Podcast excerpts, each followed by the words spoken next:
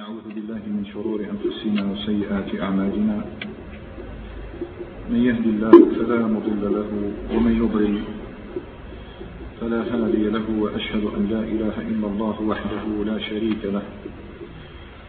وأشهد أن محمدا عبده ورسوله وصفيه من خلقه وخليله من مجالس دراسة سيرة النبي صلى الله عليه وعلى آله وصحبه وسلم.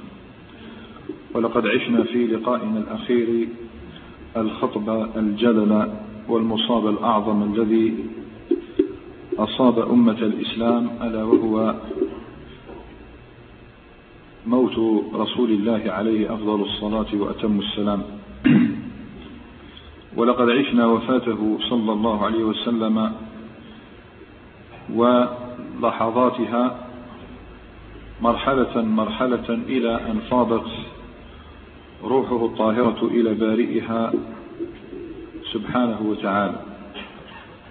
ولقد فاضت روحه وخلفت وراءها أطيب ريح وجدت على وجه الأرض ولكنها في الوقت نفسه خلفت أعظم وأحر العبرات وأشد الزفرات وأعظم الحسرات وراءها. رأينا دموع أم المؤمنين وأمهات المؤمنين رأينا دموع الصحابة أجمعين. رأينا مواقفهم فهذا يخرس لسانه فلا يستطيع أن ينبس ببنت شفه وهذا تشل قدماه فلا يستطيع أن يقوم على الأرض وآخر يصرخ في المسجد قائلا لا يقولن أحد مات محمد صلى الله عليه وسلم إلا وضربته بسيف هذا.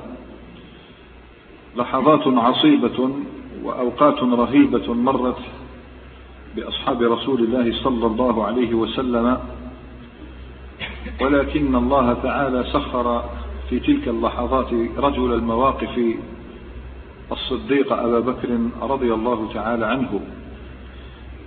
فقد جاء وأعاد الأمة إلى رشدها وأعاد الأمور إلى نصابها فدخل إلى حجرة عائشة حيث رسول الله عليه الصلاة والسلام مسجى فأدنى وجهه من وجهه وقبله وقال ما أطيبك حيا وميتا يا رسول الله صلى الله عليه وسلم والله لا يجمع الله عليك الموتتين أبدا وذهب إلى المسجد وخرج إلى الصارخ عمر بن الخطاب على رسلك. وذكره حينها بأن النبي محمدا صلى الله عليه وسلم ما هو إلا رسول قد خلت من قبله الرسل أفإن مات أو قتل انقلبتم على أعقابكم ومن ينقلب على عقبيه فلن يضر الله شيئا وسيجزي الله الشاكرين. والعجيب أن الصحابة أضحوا جميعهم في ذلك الوقت وذلكم الحين يرددون هذه الآية وكأنها ما نزلت إلا الساعة. عندئذ أدركوا جميعا أنه قد رحل عنهم صاحب الوسيلة والشفاعة صلى الله عليه وسلم. ووقفنا عند بعض الرثاء الذي رثى أصحاب النبي عليه الصلاة والسلام به نبيه صلى الله عليه وسلم. ونعيش اليوم لحظات وساعات وأياما بعد وفاة النبي صلى الله عليه وسلم. ولابد أن نتذكر أن هذا ذلك ذلك الفراغ الرهيب الذي تركه النبي صلى الله عليه وسلم فور وفاته. فراغ عظيم خلفه وراءه في تلك اللحظات اليسيرة التي توفي فيها عليه الصلاة والسلام. فإن الأمة اليوم دون قائد يقودها ودون حاكم يحكمها ودون نبي يرشدها صلى الله عليه وسلم.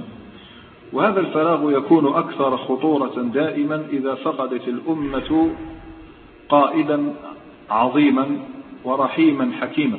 أي أمة تفقد قائدها الذي يوصف بهذه الصفات إلا ويترك لها فراغا كبيرا لا يسد.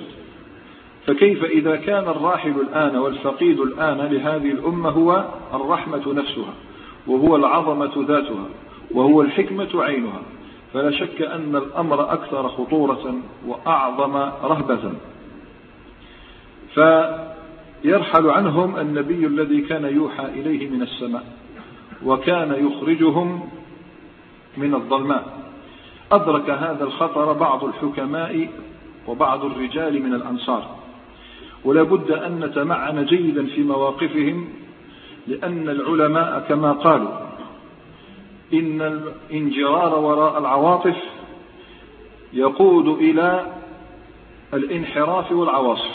يعني العاطفة لو حكمها الإنسان هذا في وقت السلم لو يحكم الإنسان العواطف فهذا لا يجر عليه إلا العواصف. فكيف بوقت فتنة ووقت مصيبة؟ وهو ذهاب النبي صلى الله عليه وسلم.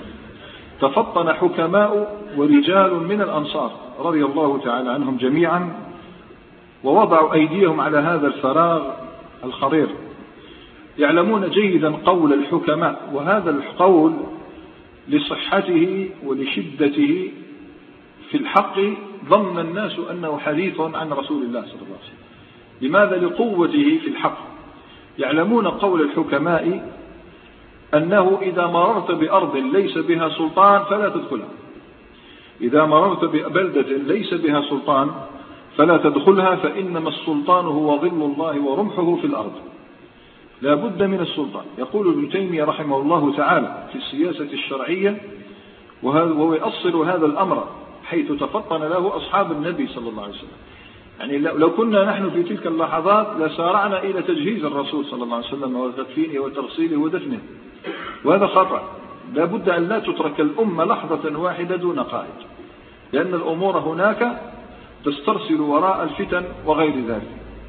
فيقول ابن تيمية رحمه الله وهو يؤصل هذا الأصل الأصيل لهذا روي أن السلطان ظل الله في الأرض. وقيل قديما وهذا ينسب إلى الحسن البصري ستون سنة تحت إمام جائر خير من ليلة دون إمام.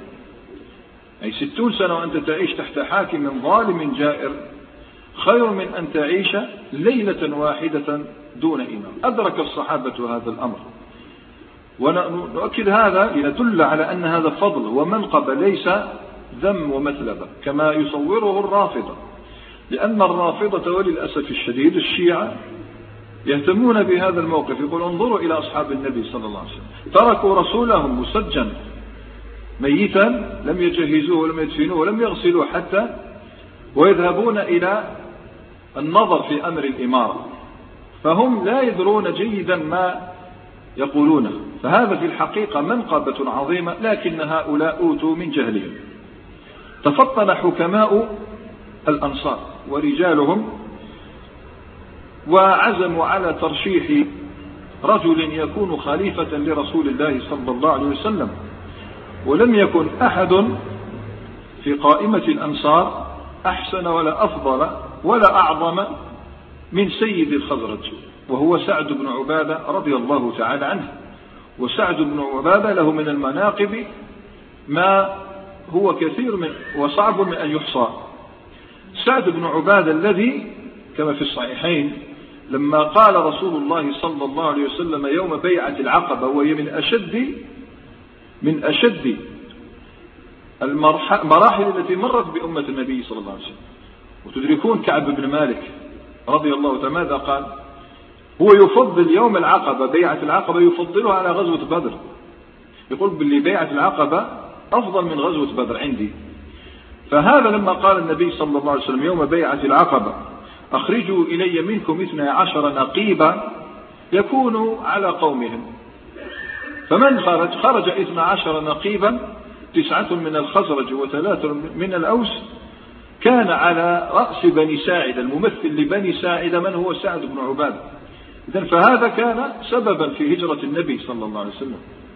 سعد بن عبادة تذكرون أنه استخلفه الرسول عليه الصلاة والسلام في أول غزوتين على خرجهما على المدينة. استخلفه على المدينة في أول غزوتين غزاهما. أول غزو على الإطلاق الأبواء ثم بعدها بواط فكان الخليفة على المدينة في الرسول صلى الله عليه وسلم سعد بن عبادة.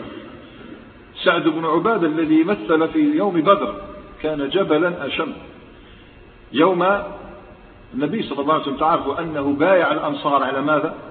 أن يحموه ممن غزا المدينة. الآن النبي صلى الله عليه وسلم خارج خارج المدينة. يريد أن يغزو قريشا. هم لم يبايعوه على ذلك. فتكلم أبو بكر فأعرض عنه النبي صلى الله عليه وسلم. تكلم عمر فأعرض عنه النبي صلى الله عليه وسلم. هنا قام سعد بن عباد. ففطن أإيانا تريد يا رسول الله عليه الصلاة والسلام. أتنتظر منا أن نتكلم بكلمة؟ فقال سعد بن عبادة كلمته المشهورة رضي الله تعالى عنه والذي نفسي بيده. وقال كلام. يقول ابن مسعود والله لو قلته يعني ما أتمنى موقفا إلا هذا الموقف. يعني لو ما فعلت في حياتي إلا هذا الموقف لكفى أإيانا تريد يا رسول الله عليه الصلاة والسلام والذي نفسي بيده لو أمرتنا أن نخيضها البحر لفعلنا. يعني الناقة الإبل هل تمشي في البحر؟ لا. لكن انت لو أمرتنا الآن أن نخيضها البحر لأخذناه. ولو أمرتنا أن نضرب أكبادها برك الغماد لفعلنا. كان أعظم كلام قاله سعد بن عبادة في ذلك اليوم وبث الحماسة في الأنصار. وكانت غزوة بدر. هذا الرجل اليوم سعد بن عبادة نراه قد التف حوله الأنصار عند بيته ولكننا نراه طريح الفراش لمرضه وزاده فراق النبي صلى الله عليه وسلم مرضا وألما. اجتمعوا عليه بداره وهو قلنا سيد بني ساعدة إذا التفوا حوله عند سقيفة بني ساعدة حيث بني ساعدة لأنه سيدهم. ودائما يظهر أبو بكر في وقت أبي بكر كما ذكرنا آنفا. يظهر في الوقت المناسب. تجددت عظمته في هذا اليوم. فإنه رجل المواقف الحرجة فانطلق إلى حيث إخوانه الأنصار. انطلق إلى حيث هم الذين اجتمعوا على سعد سمع باجتماعهم هناك وأنهم سيبايعونه وخشي على الأمة أن تفترق بعد اجتماعها وأن تتشتت بعد توحيدها. فذهب أبو بكر رضي الله تعالى عنه ولنذهب خلفه الآن. نذهب خلفه إلى سقيفة بني ساعدة ويقودنا إليها شاب من آل بيت النبي صلى الله عليه وسلم وهو ابن عباس رضي الله تعالى عنه. فقد روى البخاري عنه قال قال لي عمر إذا ابن عباس سيحدثنا عن عمر لأن عمر كان حاضرا. قال عمر بن الخطاب إنه كان من خبرنا حين توفى الله نبيه صلى الله عليه وسلم أن الأنصار خالفونا واجتمعوا بأسرهم في سقيفة بني ساعدة. وخالف عنا علي والزبير ومن معهما. شفنا في المرة السابقة أن علي بن أبي طالب والزبير في بيت علي عند فاطمة التي مرضت وأصيبت بمرض شديد إثر وفاة النبي صلى الله عليه وسلم. لم تتحمل وفاته. فبقي علي والزبير هناك. واجتمع المهاجرون إلى سعد بن عبادة. آه، اجتمع المهاجرون إلى أبي بكر الصديق. يعني ما, الذي سنفعله؟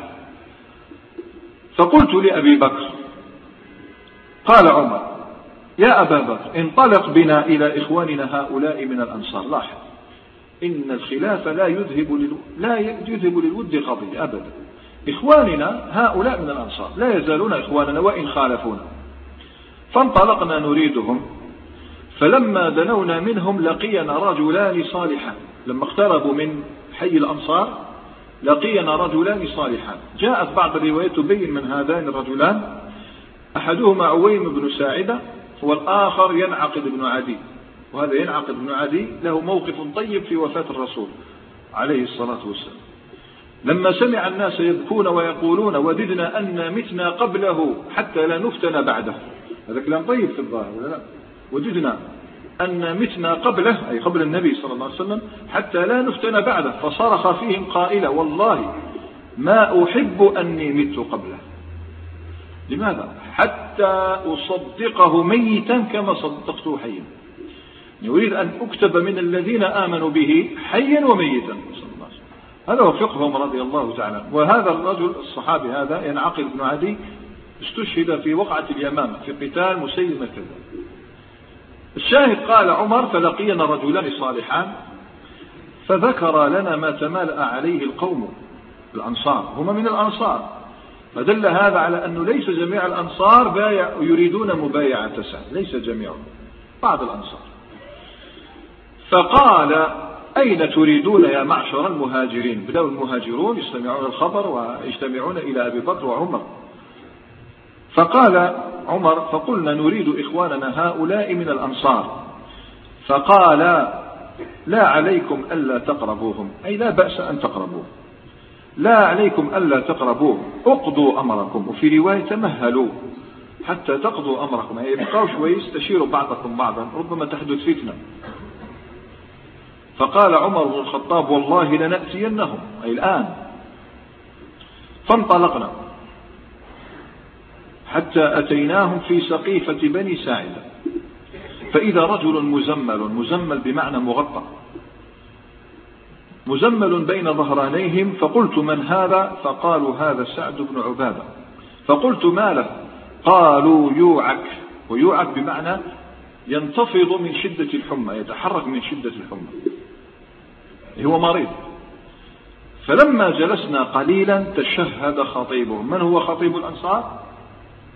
ثابت بن قيس بن شماس قام خطيب الأنصار وتحدث. لاحظ يعني فتنة ستقوم بين المهاجرين والأنصار. فقال فأثنى على الله بما هو أهله ثم قال أما بعد فنحن أنصار الله وكتيبة الإسلام. وأنتم معشر المهاجرين رهط أي قلة. وقد دفت دافة من قومكم أي جاء غرب جئتم غرباء إلى المدينة. فإذا هم يريدون أن يختزلون من أصلنا أي تريدون أن تقطعون من أصلنا وأن يحضنون من الأمر أي ينتزعوا من الأمر ويستبدوا به كان هذا يقول أنتم قلة ودافة غرباء. نحن أولى. هذه عاصمة رسول الله صلى الله عليه وسلم. فنحن أولى بالأمر منكم. طبعا قال فلما سكت قال أردت أن أتكلم. القائل من؟ عمر. أردت أن أتكلم. وكنت قد زورت مقالة أعجبتني. أي حضرت في نفسي كلاما كنت أتمنى أن أقوله. يعني كلام طيب. كنت زورت مقالة في نفسي أردت أن أقدمها بين يدي أبي بكر. كأن عمر يريد أن يمحو الأثر الذي تركه من قبل, قبل قليل. لا يتحدث رجل. إن, إن محمدا مات صلى الله عليه وسلم إلا قدرته بشيء. يريد أن يمحو ذاك. فقال فلما أردت أن أتكلم قال لي أبو بكر على رسلك شوف الحلم والرزانة. أبو بكر رضي الله تعالى على رسلك فكرهت أن أغضبه. فتكلم أبو بكر. أبو بكر الآن سيتكلم. عمر حضر ما يريد أن يقوله. فيلاحظ ماذا يقول عمر؟ فكان هو أحلم وأوقر والله ما ترك من كلمة أعجبتني في تزويري إلا قال في بديهته أفضل منها. يعني أبو بكر تكلم بالبديهة بدون تحضير دون تحضير.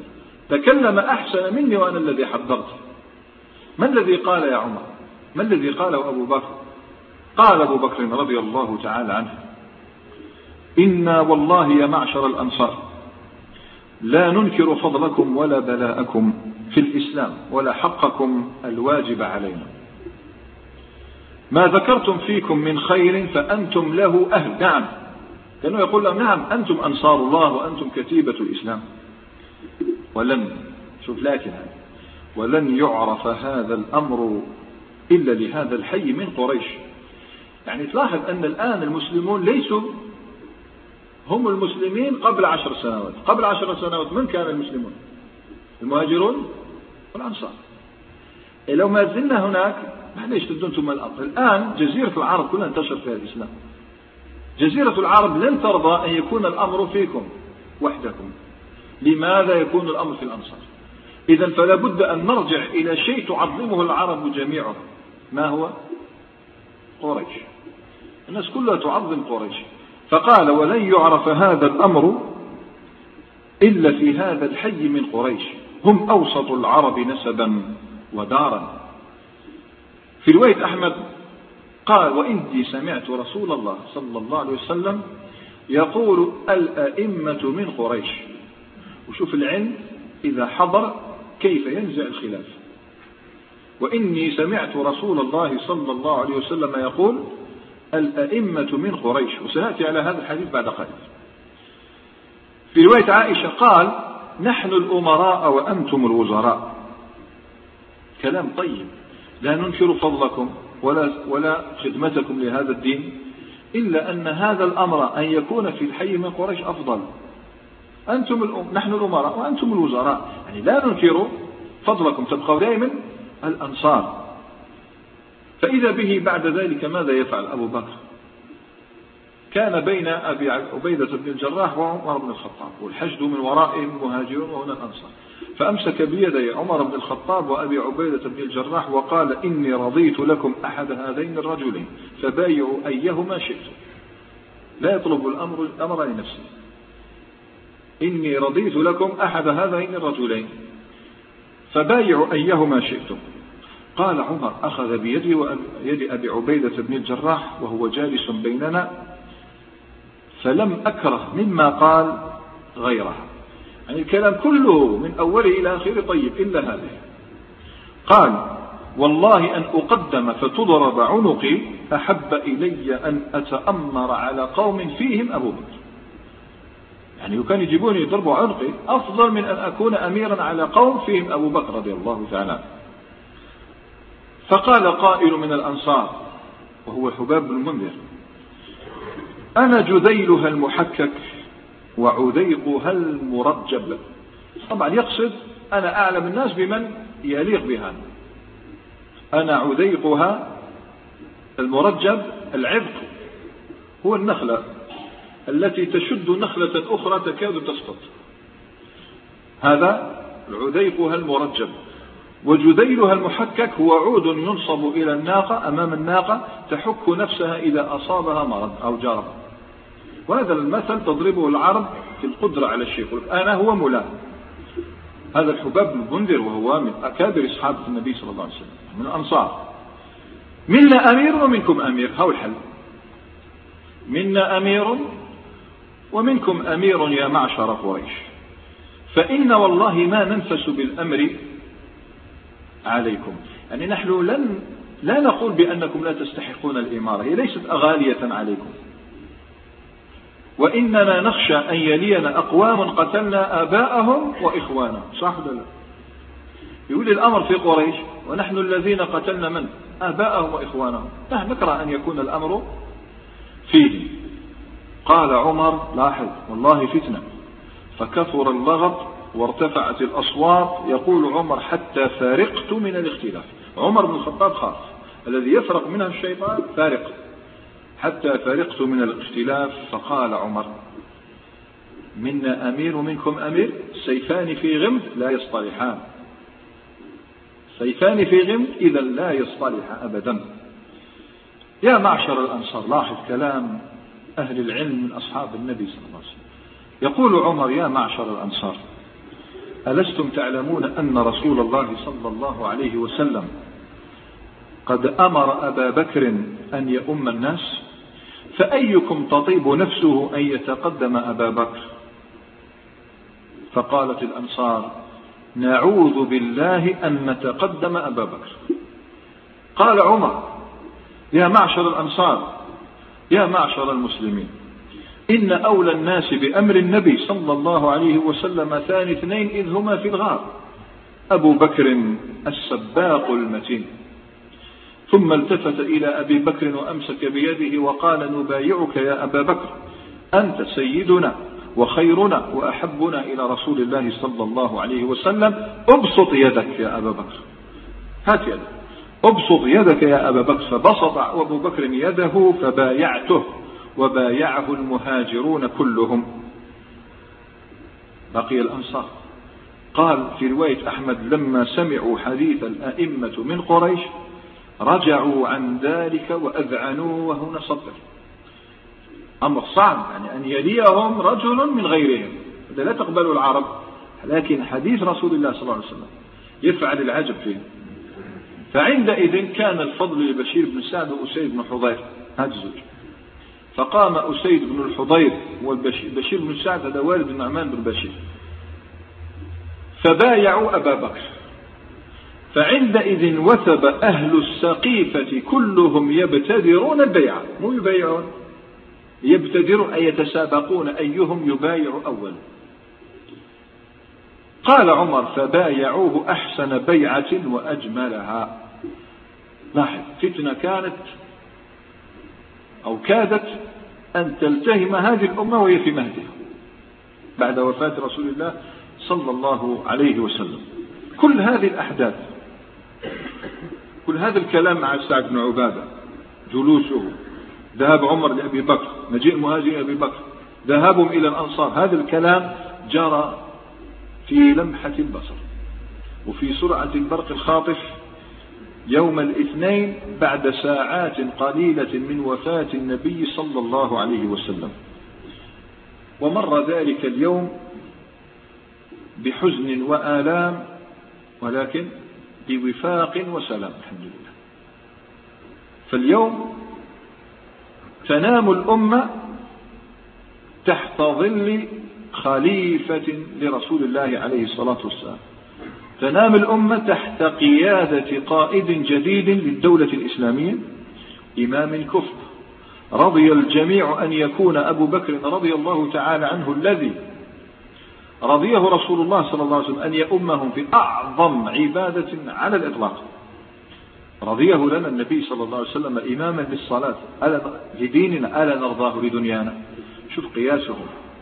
رضيه رسول الله صلى الله عليه وسلم لديننا ألا نرضاه لدنيانا؟ وتذكروا قول الرسول صلى الله عليه وسلم يأبى الله والمؤمنون إلا أبا بكر. يأبى الله والمؤمنون إلا أبا بكر. هذا الرجل العظيم أبو بكر الصديق لم ينشغل بحزنه وهو أكثر الناس حزنا على رسول الله صلى الله عليه وسلم. لم يحمله هذا الحزن كله على أن ينشغل عن الأمة.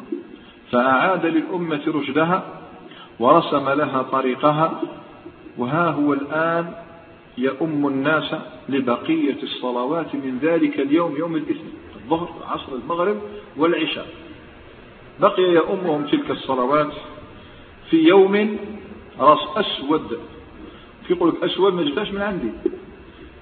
يوم أسود رسمه لنا أنس بن مالك عندما قال والحديث في سنن الترمذي بسند صحيح ماذا قال؟ يوم قدم رسول الله عليه الصلاة والسلام المدينة ماذا؟ أضاء منها كل شيء. ولما مات رسول الله عليه الصلاة والسلام أظلم منها كل شيء. يوم أسود مر على الصحابة رضوان الله تعالى عليهم. مضى ذلك اليوم؟ لترحل شمس ذلك اليوم بالفتنة جثة هامدة. الفتنة ظلت قابعة في مهدها لم ترفع رأسها بفضل العلم بفضل العلم والطاعة والعمل بهذا العلم. مضى الاثنين الحزين. ذهول عجيب. يعني أنت تصلي في مكان وأنك تعلم أنك ما تروحش مش عايز تشوف الرسول صلى الله عليه وسلم. تعلم أنك لن ترى النبي صلى الله عليه وسلم بعد هذا اليوم. صعب. يوم حزين. نجزم بأن أكثر أهل المدينة لم يذوقوا طعم النوم. وجاء يوم الثلاثاء. قبل صلاة الفجر حدث شيء. قبل صلاة الفجر من يوم الثلاثاء. وقبل أن يصلي أبو بكر بالناس صلاة الفجر قام عمر. قام وتوجه نحو المنبر وصعد على المنبر ليخطب في الصحابة رضوان الله تعالى عليهم. زد. وليعتذر مما فعله أمس لأضربنه بسيف هذا. وليدعو الناس جميعهم حتى لا يتخلف أحد. يدعوهم إلى بيعة أبي بكر رضي الله تعالى عنه.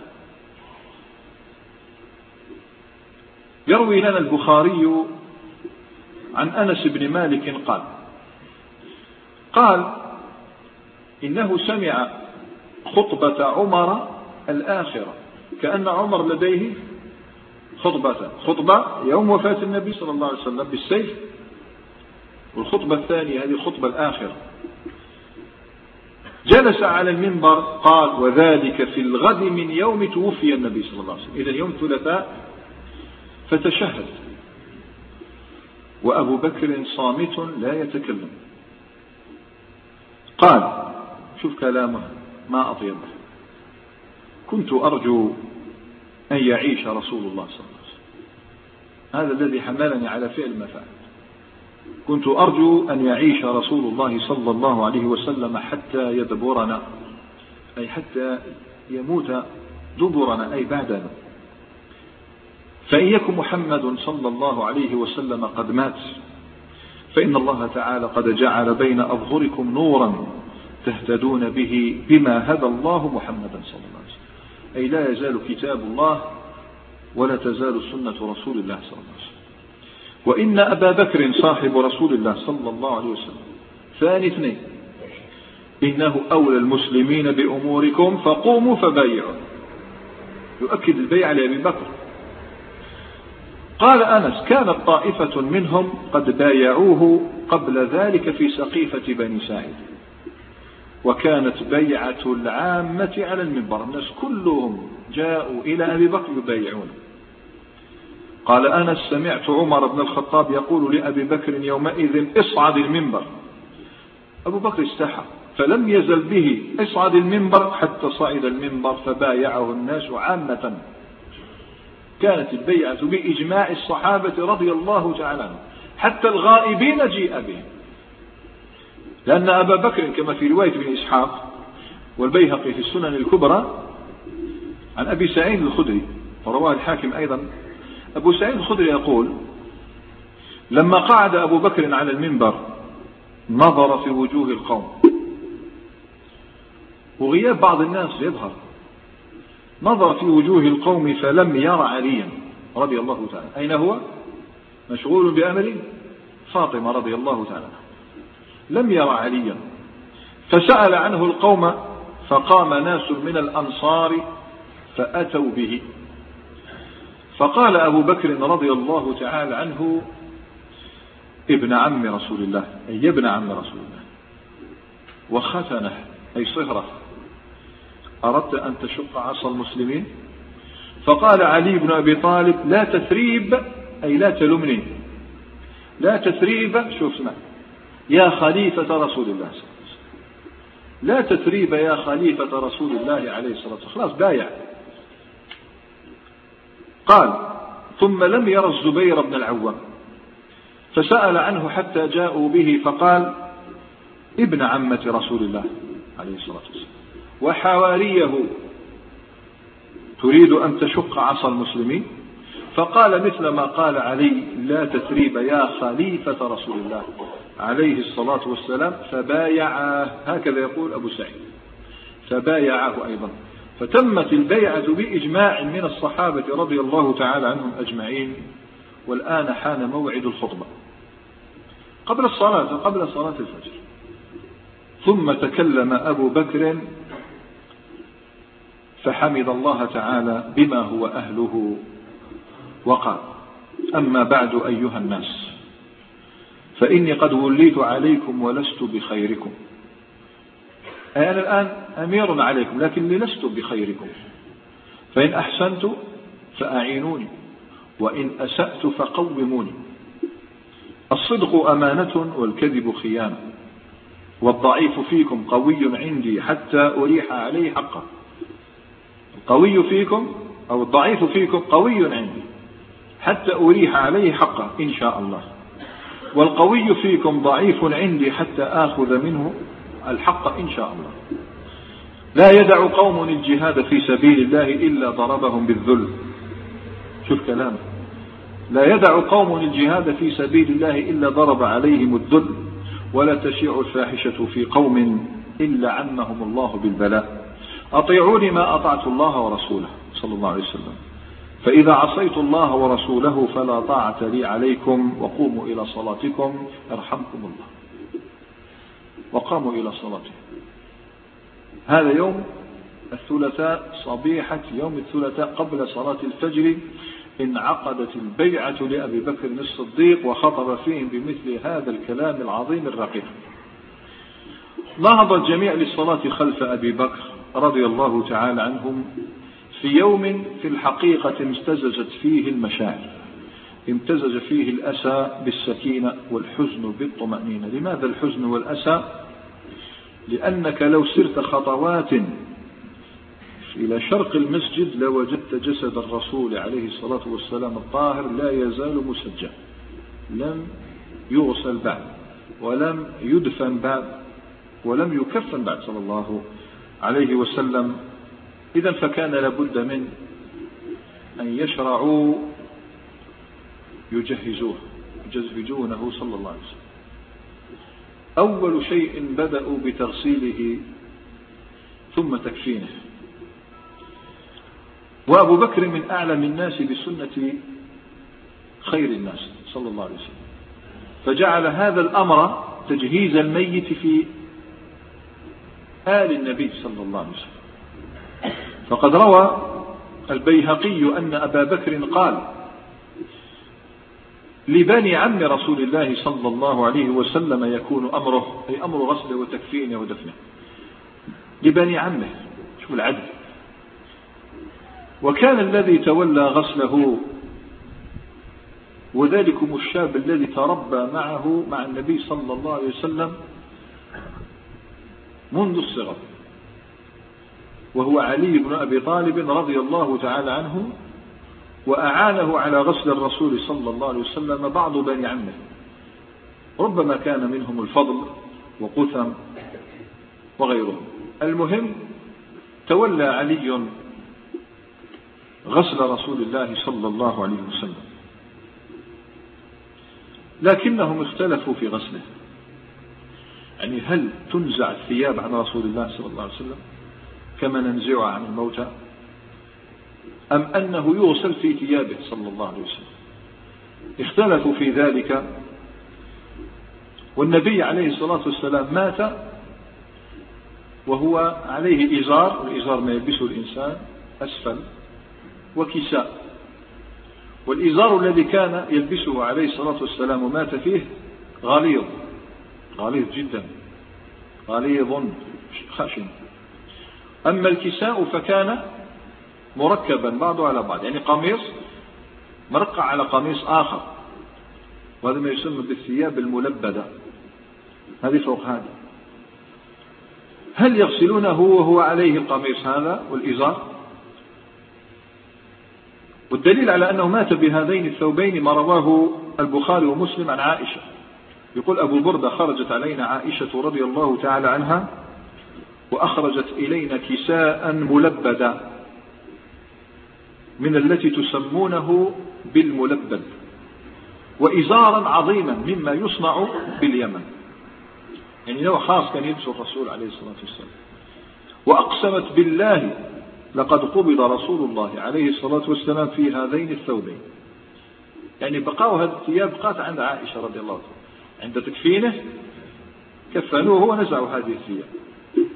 إذا اختلفوا أثناء الغسل ما الذي نفعل؟ هل ننزع أو يعني لأنه لو ينزعون يمسون جسده عليه الصلاة والسلام. هما واقفين. علي وختم ولا ندري لعلهم أدخلوا ناسا معهم. ما الذي سنفعله؟ هل نغسله على ثيابه؟ أو نجرده من ثيابه؟ غشيتهم الحيرة وغشيهم أمر آخر. وهذا الأمر الذي غشيهم الآن كان آخر معجزات النبي صلى الله عليه وسلم. كانت هذه المعجزة عند غسله. استمع إلى ما رواه أبو داود عن عائشة قالت لما أرادوا غسل النبي صلى الله عليه وسلم قالوا والله ما ندري أنجرد رسول الله صلى الله عليه وسلم من ثيابه كما نجرد موتانا أم نغسله وعليه ثيابه؟ أو الخلاف. فلما اختلفوا عليكم السلام فلما اختلفوا ألقى الله عليهم النوم. حتى ما منهم من أحد إلا وذقنه في صدره. كلهم ناموا. قائلا ثم كلمهم مكلم من ناحية البيت من جانب البيت. من هو؟ لا يدرون من هو. لعله ملك لا شك. ثم كلمهم من ناحية مكلم من ناحية البيت لا يدرون من هو. ماذا قال؟ اغسلوا النبي صلى الله عليه وسلم وعليه ثيابه. سمعوه. فضل خلاف ناس فقاموا إلى رسول الله صلى الله عليه وسلم. فغسلوه وعليه قميصه. يصبون الماء فوق القميص يرمون الماء على القميص ويدلكونه بالقميص يعني هكذا. لا يمسون جسده الطاهر صلى الله عليه وسلم هكذا. بالقميص القميص صار بمثابة الخرقة التي نغسل بها الميت. قال ويدلكونه بالقميص دون أيديهم وكانت عائشة رضي الله تعالى عنها تقول لو استقبلت من أمري ما استدبرت ما غسل النبي عليه الصلاة والسلام إلا أزواجه. لعلها تذكرت ابتسامته صلى الله عليه وسلم وكلامه معها قبل أسبوع فقط. قبل أسبوع بالضبط كما في الصحيحين دخل عليها النبي صلى الله عليه وسلم. بعد أن عاد من جنازة بالبقيع. فقال عليه الصلاة والسلام لها ما ضرك؟ لو مت قبلي فغسلتك وكفنتك ودفنتك ثم صليت عليك ودفنتك. ماذا قالت؟ واثكلياه إني لأظنك تحب موتي ولو كان ذلك لضللت آخر يومك معرسا ببعض أزواجك. أنت تستنى في باش الموت حتى تتمتع بأزواجك فتبسم رسول الله صلى الله عليه وسلم. تذكرت في تلك اللحظة كلامه. كأنها تقول أولى الناس بغسله وهو الصواب. أنا أو أزواجه. وهذا هو الصواب أن السنة أن يغسل الرجل زوجه وأن يغسل الزوجة زوجها. لكن لم يحدث هذا الحب وهذه الأمنية لم تحدث لعائشة بل شرف الله تعالى بغسل النبي صلى الله عليه وسلم عليا ومن معه. رضي الله تعالى عنهم جميعا. وعلي بن أبي طالب لو رأيناه وهو يغسل الرسول عليه الصلاة والسلام لوجدته يتأمل هو يغسله ويتأمله صلى الله عليه وسلم جيدا كأنه يبحث عن شيء. روى الإمام الحاكم والبيهقي في دلائل النبوة عن علي رضي الله تعالى عنه قال غسلت رسول الله صلى الله عليه وسلم فجعلت أنظر ما يكون من الميت. يعني خلاص ما لا يشبه الموت عليه الصلاة والسلام. هل في حاجة تشبه الميت؟ قال فلم أرى شيئا. وكان طيبا حيا وميتا. كان طيبا حيا وميتا. انتهى. علي ومن معه من تغسيل الرسول صلى الله عليه وسلم. والله الإنسان أحيانا يغسل أخاه في الله يعيش في عالم آخر في تلك اللحظات. فما بالك وأنت تغسل من؟ رسول الله عليه وسلم. انتهى من تغسيله. بعد الغسل بعد الغسل قام بتطييبه. عنده مسك فقام يطيبه عليه الصلاة والسلام. لولا أنها السنة ما طيبه علاش؟ عائشة تقول لك ما رأيت لما فاضت روحه ما رأيت ريحا قط مثل التي وجدتها في الرسول صلى الله عليه وسلم. مرها في حياة ما شافت ريحا مثل هذا لكنها السنة تطيب الميت. لكن شوف عليه بقي شيء من المسك خبأه عنده. لعله يحمط به. طبعا يحمط معنى يطيب به عندما يموت. حفظ لنا ذلك أبو وائل كما في مستدرك الحاكم بسند صحيح. يقول أبو وائل كان عند علي رضي الله تعالى عنه مسك فأوصى أن يحنط به الحنوط هو الطين أوصى أن يحنط به فقيل له في ذاك لماذا؟ قال هو فضل حنوط رسول الله صلى الله عليه وسلم. خبأه. شوف حال عاش علي بن أبي طالب بعد رسول الله عليه الصلاة والسلام. ولما انتهوا من تطيبه شرعوا في تكفينه صلى الله عليه وسلم. جاء عبد الله بن أبي بكر الصديق أخو عائشة. اشترى بماله والسنة أن يشتري الإنسان كفن الميت من مال الميت نفسه. اشترى حلة غالية جدا يمانية. ليكفن فيها الرسول عليه الصلاة والسلام. الصحابة نظروا إلى هذه الحلة الغالية فأحسه أحسوا بأنه نوع من التكلف. فردوها عليه.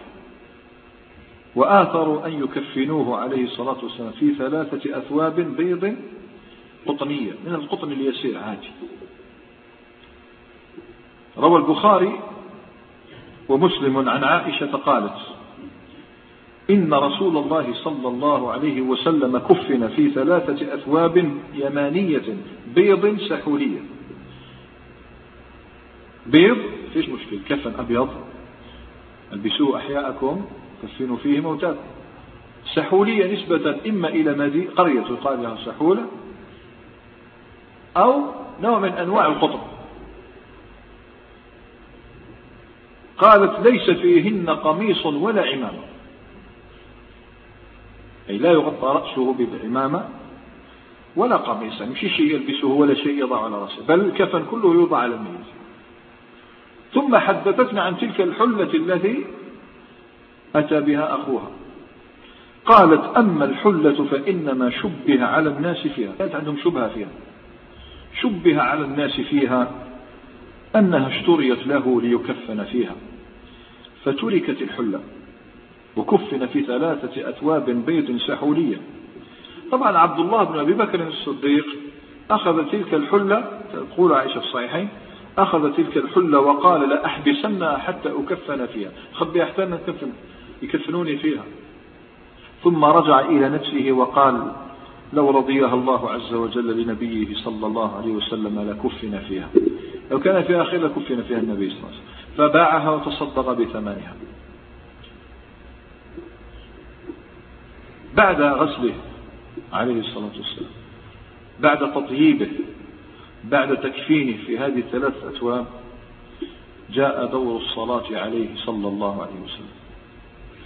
كان بيت النبي صلى الله عليه وسلم حجرة عائشة كان المسجد محوطا بجموع عظيمة من الناس رجالا نساء أطفالا شيوخا جاءوا من أطراف المدينة وحواليها كلهم يبتغون الصلاة على نبيهم صلى الله عليه وسلم ولكن بيت عائشة لا يتسع لهم جميعا.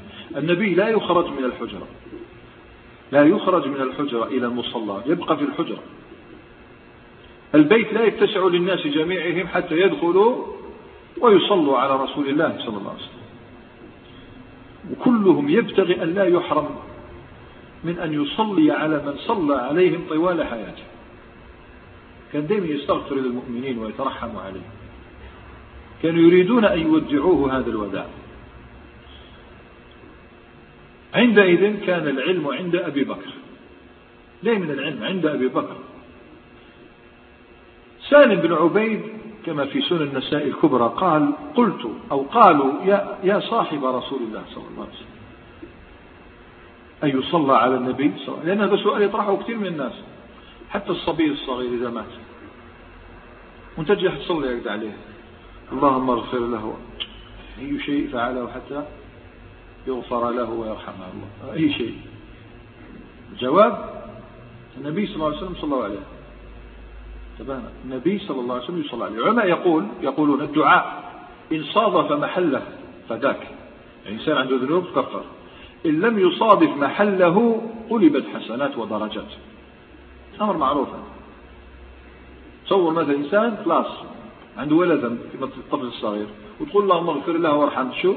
يرفع في الدرجات ويزداد حسنات وكلما زيد في الدرجات كان جاهه عند الله تعالى يوم القيامة عظيمة حتى يشفع في من يريد الله أن يشفعه فيه.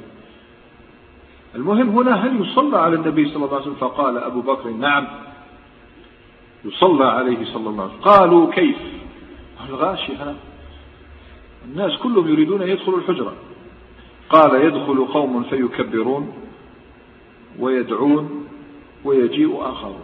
مشكلة هنا. غاشينا غاشينا. خارجين هدو داخلين. كيف يعمل أمرهم أبو بكر بأن يفتحوا بابا آخر من الجهة الأخرى.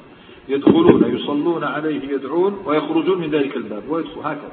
تبقى الحشود عبارة عن جماعات صغيرة تدخل غرفة عائشة تصلي على النبي صلى الله عليه وسلم وتدعو له وتنصرف من الباب الآخر. جاء في طبقات ابن سعد قال أبو بكر لهم ادخلوا من ذا الباب أرسالا أرسالا فصلوا عليه واخرجوا من الباب الآخر. وفي سنن ابن ماجه بسند ضعيف عن ابن عباس يشهد له ما تقدم. يقول ابن عباس لما فرغوا من جهازه الجهاز غسله تكفينه. لما فرغوا من جهازه يوم الثلاثاء وضع صلى الله عليه وسلم على سريره في بيته ثم دخل الناس على رسول الله صلى الله عليه وسلم أرسالا يصلون عليه حتى إذا فرغوا أدخلوا النساء حتى إذا فرغوا أدخلوا الصبيان. ولا أحد يمكنه طبعا أنت تصلي على قريبك تصلي على والدك على والدتك. وأنت تصلي عليه تعلم أنه ميت. تجتاحك عاطفة عجيبة. فتخيل تلك الحالة التي كان عليها أمهات المؤمنين رضي الله عنهن جميعا. وهم يصلون على نبي الله صلى الله عليه وسلم. تخيل حالة الفقراء والمساكين أهل السلطة الذين يصلون الآن على كافلهم والرفيق بهم والرحيم بهم عليه الصلاة والسلام. لا أحد يمكن أن يتخيل حال أهل المدينة جميعهم وهم يصلون على النبي صلى الله عليه وسلم. الدنيا مساء جاء المساء وغابت ما تظنش بالصلاة هكذا في لحظات. طال الوقت حتى دخل المساء وغابت شمس يوم الثلاثاء واضطروا إلى أن يدفنوه ليلا صلى الله عليه وسلم. واضطروا إلى ذلك. ونكمل إن شاء الله تعالى بعد الأذان. كما ذكرنا أنه غابت شمس ذلك اليوم يوم الثلاثاء وجن على المدينة المساء. فكان لابد من دفنه ليلا عليه الصلاة والسلام وهو الذي نهى عن ذلك إلا أن يضطر المسلم إليه. فنحن نعلم أن الأوقات التي لا يحل الدفن فيها ولا الصلاة فيها ثلاثة أوقات. مشهورة الوقت الأول عند طلوع الشمس والثاني عند غروبها والثالث عند الهجيرة قبل الظهر بشي ربع ساعة. لكن هناك وقت زجر عنه النبي صلى الله عليه وسلم. ألا هو الليل. لا يقبر الإنسان في الليل لما رواه مسلم عن جابر بن عبد الله رضي الله تعالى عنهما أن النبي عليه الصلاة والسلام زجر أن يقبر الرجل ليلا إلا أن يضطر الإنسان إلى ذلك. هكذا يقول جابر. إلا أن يضطر. فهنا اضطروا إلى أن يدفنوه ليلا عليه الصلاة والسلام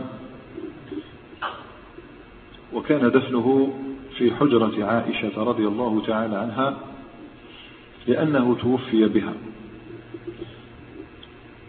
وقد تحير الصحابة كما تحيروا في كيفية غسله تحيروا في مكان دفنه. ودائما وأبدا العلم الذي يذيب الفتن ويرفع الخلافة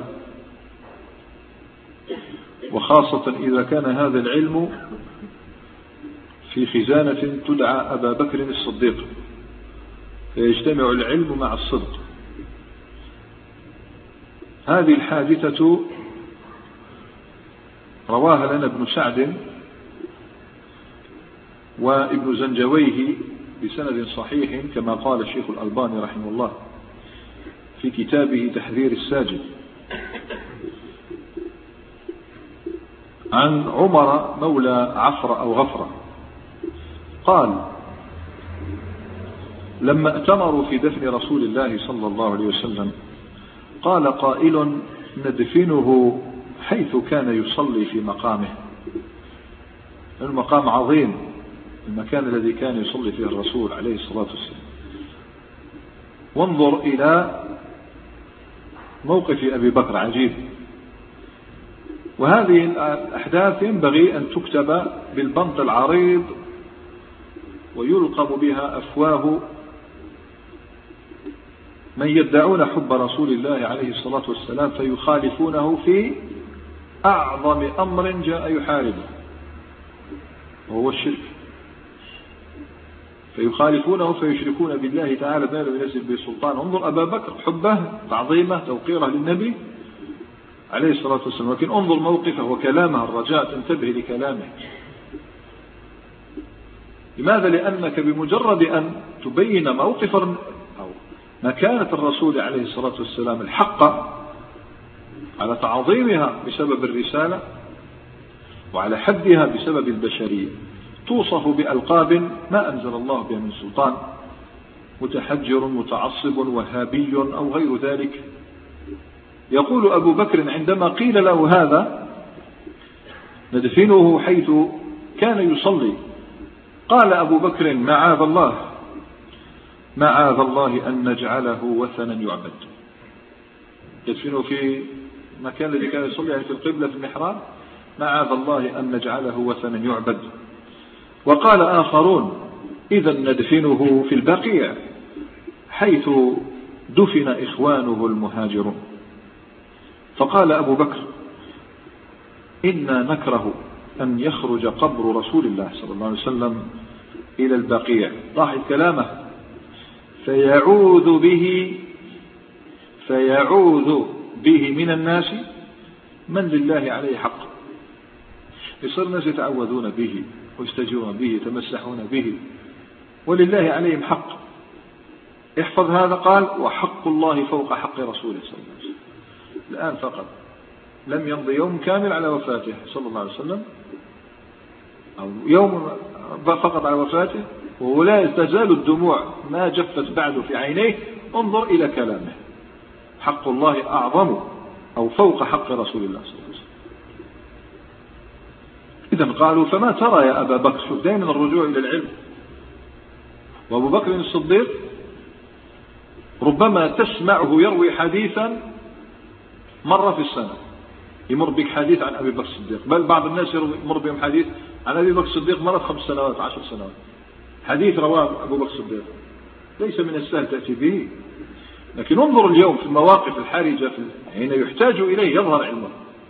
يتكلمش بزاف. ما قل ودل. فيقول أبو بكر قالوا له إذا ما ترى أنت يا أبا بكر؟ قال سمعت رسول الله صلى الله عليه وسلم. يقول ما قبض الله نبيا قط إلا دفن حيث قبض روحه. قالوا والله أنت رضي مقنع. أنت الرضي والمقنع. ماذا فعل؟ قال ثم خطوا حول فراش النبي صلى الله عليه وسلم. خطا يعني الفراش هو وضعوا خطا على حسب الفراش ثم رفعوا الفراش. حمله العلي والعباس. إذا بقي أثر فراش النبي صلى الله عليه وسلم كأنه مرسوم في الأرض. ووضعوه على جنب. حمله علي والعباس والفضل ابنه. ووقع القوم في الحفر. بدأ الناس يحفرون. حيث كان الفراش. تقول عائشة في رواية الترمذي لما قبض رسول الله رسول الله صلى الله عليه وسلم صلى الله عليه وسلم اختلفوا في دفنه. فقال أبو بكر سمعت رسول الله صلى الله عليه وسلم شيئا ما نسيته. من رسول الله شيئا ما ما نسيته. ما هو؟ قال ما قبض الله نبيا إلا في الموضع الذي يحب أن يدفن فيه. ادفنوه في موضع فراشه. قال ابن عباس فرفعوا فراش النبي صلى الله عليه وسلم الذي توفي عليه فحفروا له. قال حفروا له وسط الليل من ليلة الأربعاء. أي غربت شمس الثلاثاء الآن في ليلة الأربعاء. ونزل في حفرته علي بن أبي طالب والفضل بن العباس وقثم أخوه وشقران مولى رسول الله صلى الله عليه وسلم. أربعة. وزادت بعض الروايات أسامة بعض روايات عبد الرحمن بن عوف. يمكن أنهم كانوا يساعدونهم في الحفر والصحابة تحيروا من ذهولهم في شيء آخر. أن يلحدونه أم يضرحون قبره؟ الشق واللحد. الشق أن تحفر القبر عادي عادي بشكل عادي وتضع اللبن هكذا لبن على وجهها. لبن يعني ما أقول الأحجار هذه اللي يسموها إحنا عندنا الضالة تضعه عادي وتضع اللبن عليها. أم تلحده أي تحفر أنت القبر تاعك ثم تلحد تميل تحت الأرض.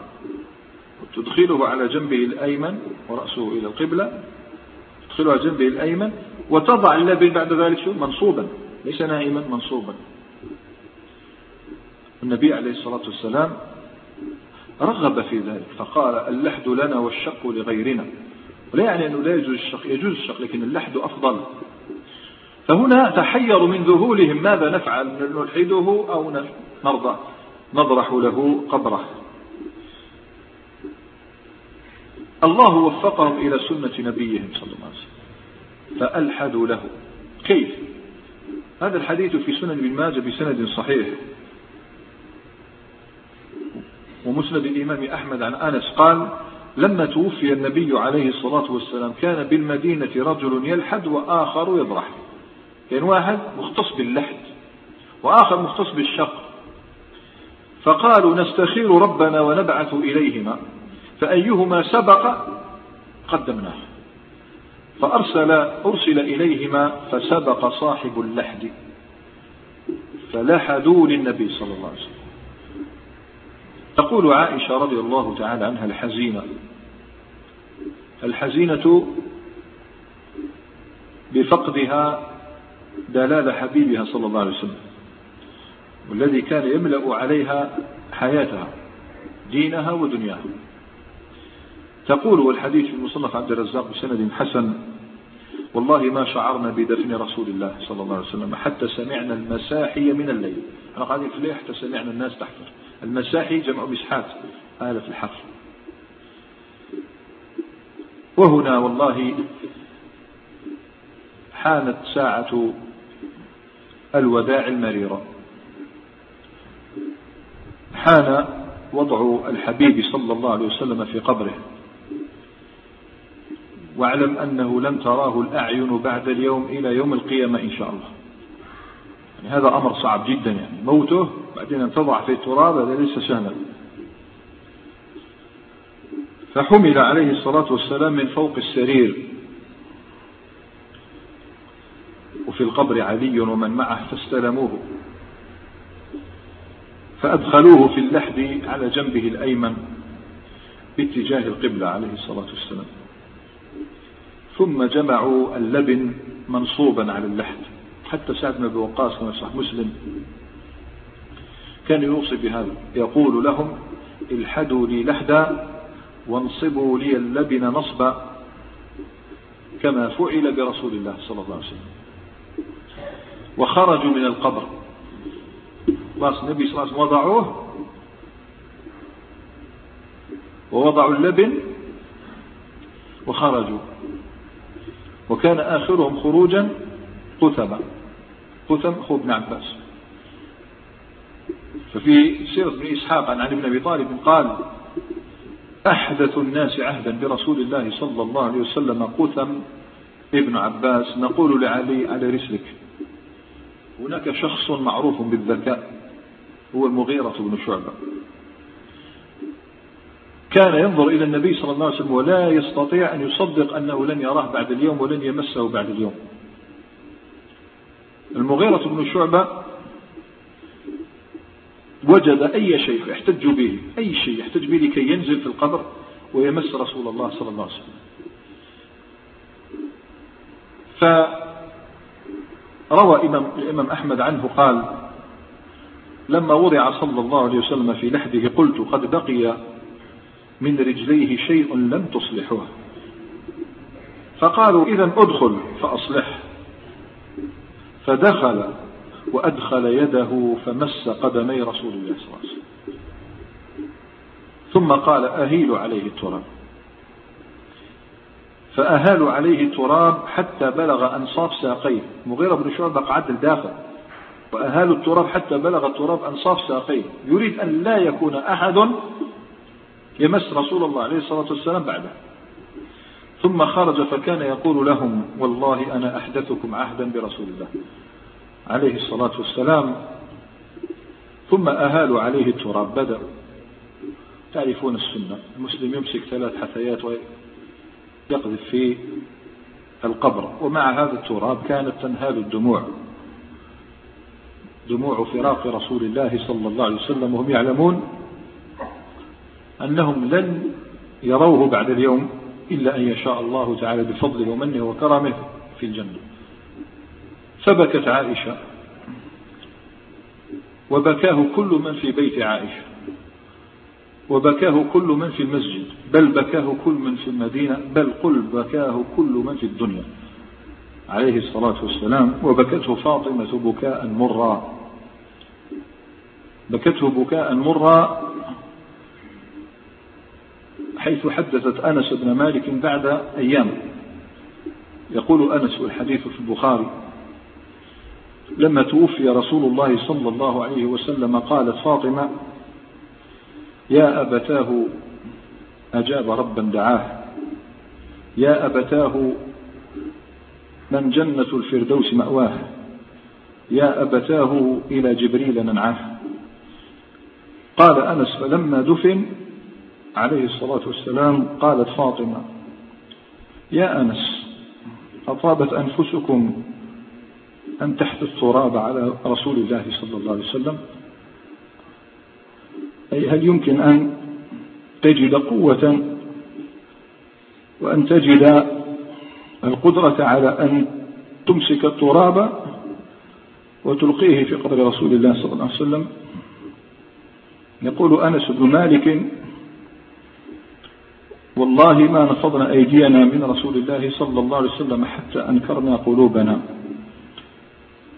وجدوا وحشة في القلب وضيقا في النفس. بكى الجميع محمدا صلى الله عليه وسلم. ذلكم النبي الذي كان أرحم الناس بالناس وكان أحب الناس إلى الناس.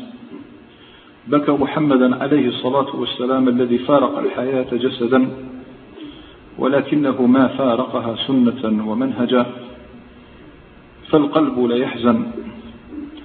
والعين تدمع. وإن لفراق محمد صلى الله عليه وسلم لمحزونون. ونهض الصحابة رضي الله تعالى عنهم